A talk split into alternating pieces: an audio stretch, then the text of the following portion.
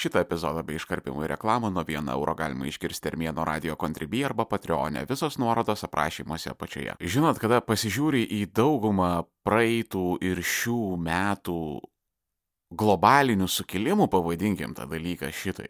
Turiu omeny tą Donaldo Trumpo bandymą išsibuoti valstybės perversmą dėl pralaimėtų prezidento rinkimų kada Kapitolijų šturmavo jo angažuoti QAnonininkai. Bolsonaro tą patį pamėgino pakartoti, kada šiemet pralaimėjo Brazilijos prezidento rinkimus. Serbijoje vyko keisti neramumai, Makedonijoje prieš tai. Netgi mūsų gimtojo lietuvėliai tas darėsi. Po pralaimėtų 20 metų Seimo rinkimų Karbauskis ir Uspaskikas pamėgino šiek tiek išsibuoti valstybės perversmą ir prikišo rankas prie perversmininkų finansavimo. Ir žinot, kas keistai bendro yra tarp visų šitų perversmų, tai kad visais atvejais juos darė seniai. Ir istoriškai tai nėra normalu. Revoliucijomis įprastai užsijima jaunimas. Mane be jokios abejonės, tuo jau pat komentaruose pataisys visi savo gėrimus išspjovę istorikai. Nu, bet pripažinkim, kad tai nėra normalu. Čia Bet kažkoks ėjimas prieš gamtą mano galva. Patinka keiksmažodžiai? Prenumeruok Armėnas plus tik už vieną eurą į mėnesį Armėno radio kontribį arba Patreonį ir klausyk epizodo be šitų reklamų ir iškarpimų. Visos nuorodos aprašymuose apačioje. Aš nelabai žinau, kaip vaikams paaiškinti, kodėl senelį supakavo į obezianiką pareigūnai ir jisai buvo nupurkštas ašariniam dujom ir vandens patranka, todėl kad bandė šturmuoti Seimą su nežinia iš kur atsiradusiu Molotovo kokteiliu kiekvienoj rankoj ir antisemitinių šūkių ant marškinėlių. Čia, ta prasme, mes dabar turėsim seksą su gyvūnais legalizuoti, jūs šitą man norit pasakyti? Aš dabar turiu sėdėti ramiai žiūrėti, kaip tie seniai demonstruojasi, ne? A kodėl jiems galima savo riaušės turėti, o mums negalima savo riaušių turėti? Mane gal asmeniškai žaidžia Orlausko podkastai, Kodėl apie šitą niekas nesusimasto, o kur mano teisės? Kodėl va Rusijoje galima pradėti karą su Ukraina, o man negalima pradėti karo su Kaliningradu, pavyzdžiui?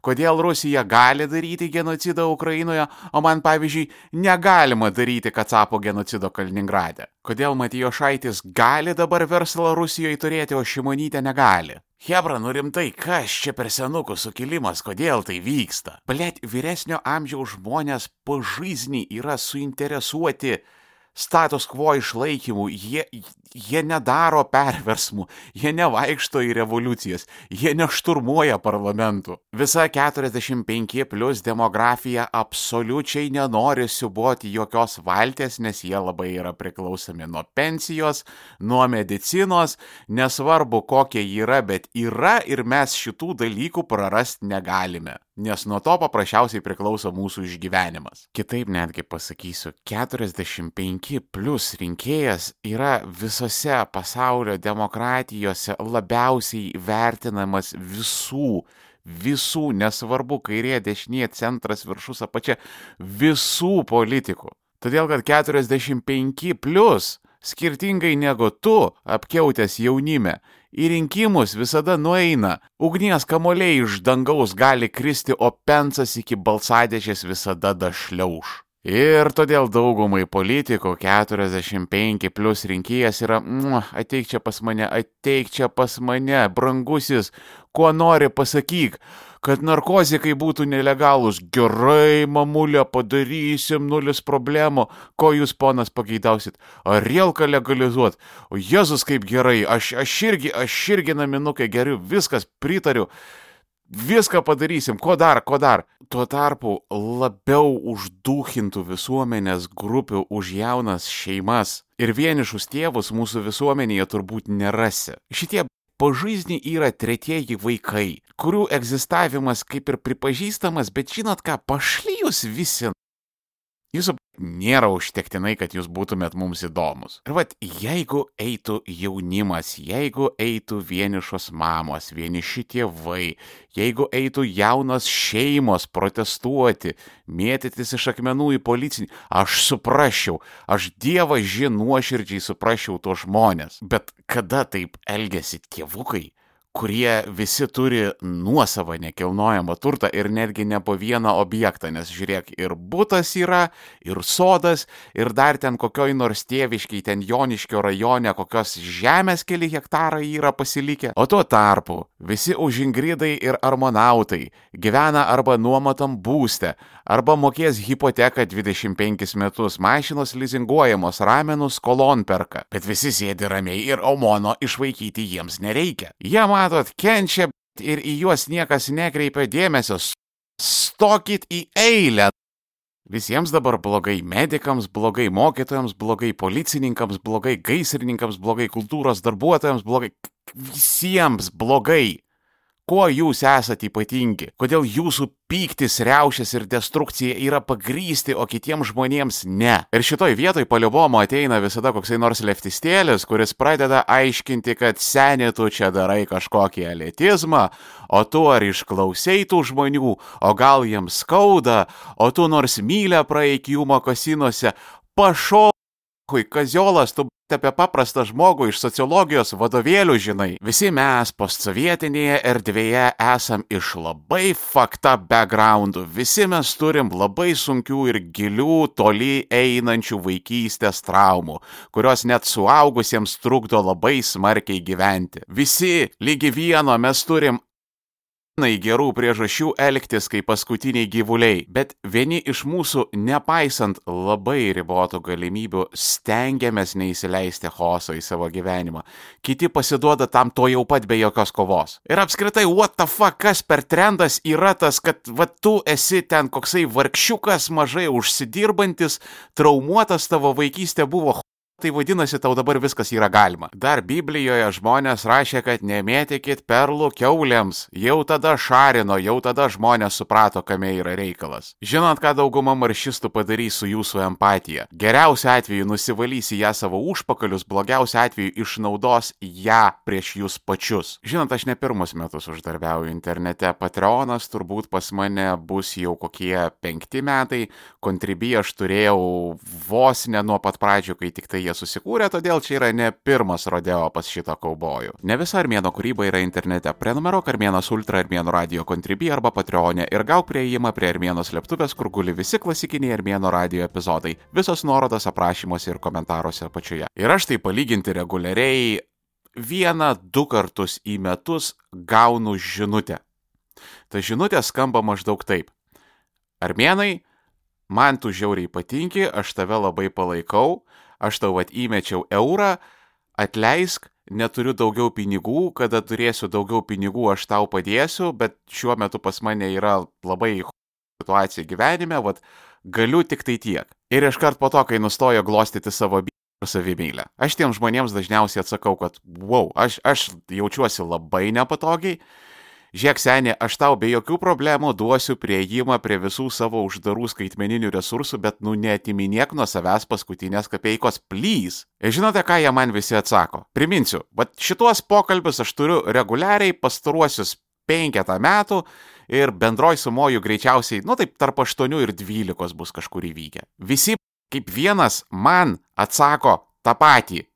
Armenai, man tai yra labai big deal mano gyvenimas yra labai sudėtingas, bet aš vad kažkaip sugebėjau iš savo super ultra riboto biudžeto išplėšti tau eurą. Neatimk to iš manęs. Ir su visais tai žmonėm aš esu labai neblogai susidraugavęs. Ir aš esu išgirdęs daugeliu jų gyvenimo istorijas ir ta prasme, ta prasme, eikit, kai ko aš ten negirdėjau.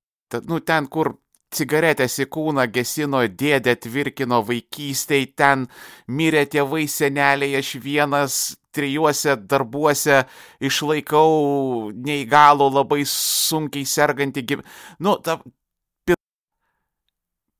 yra žodis tai, ką aš girdėjau. Ir žinot, toks dabar labai populiarus žanras pasidaręs, tų ten visokių įkvepiančių istorijų, kaip aš ten buvau valkata, o dabar aš esu milijonierius, va pasižiūrėkit, koks mano didelis namas, kiek pas mane daug Bentley stovi šalia jo.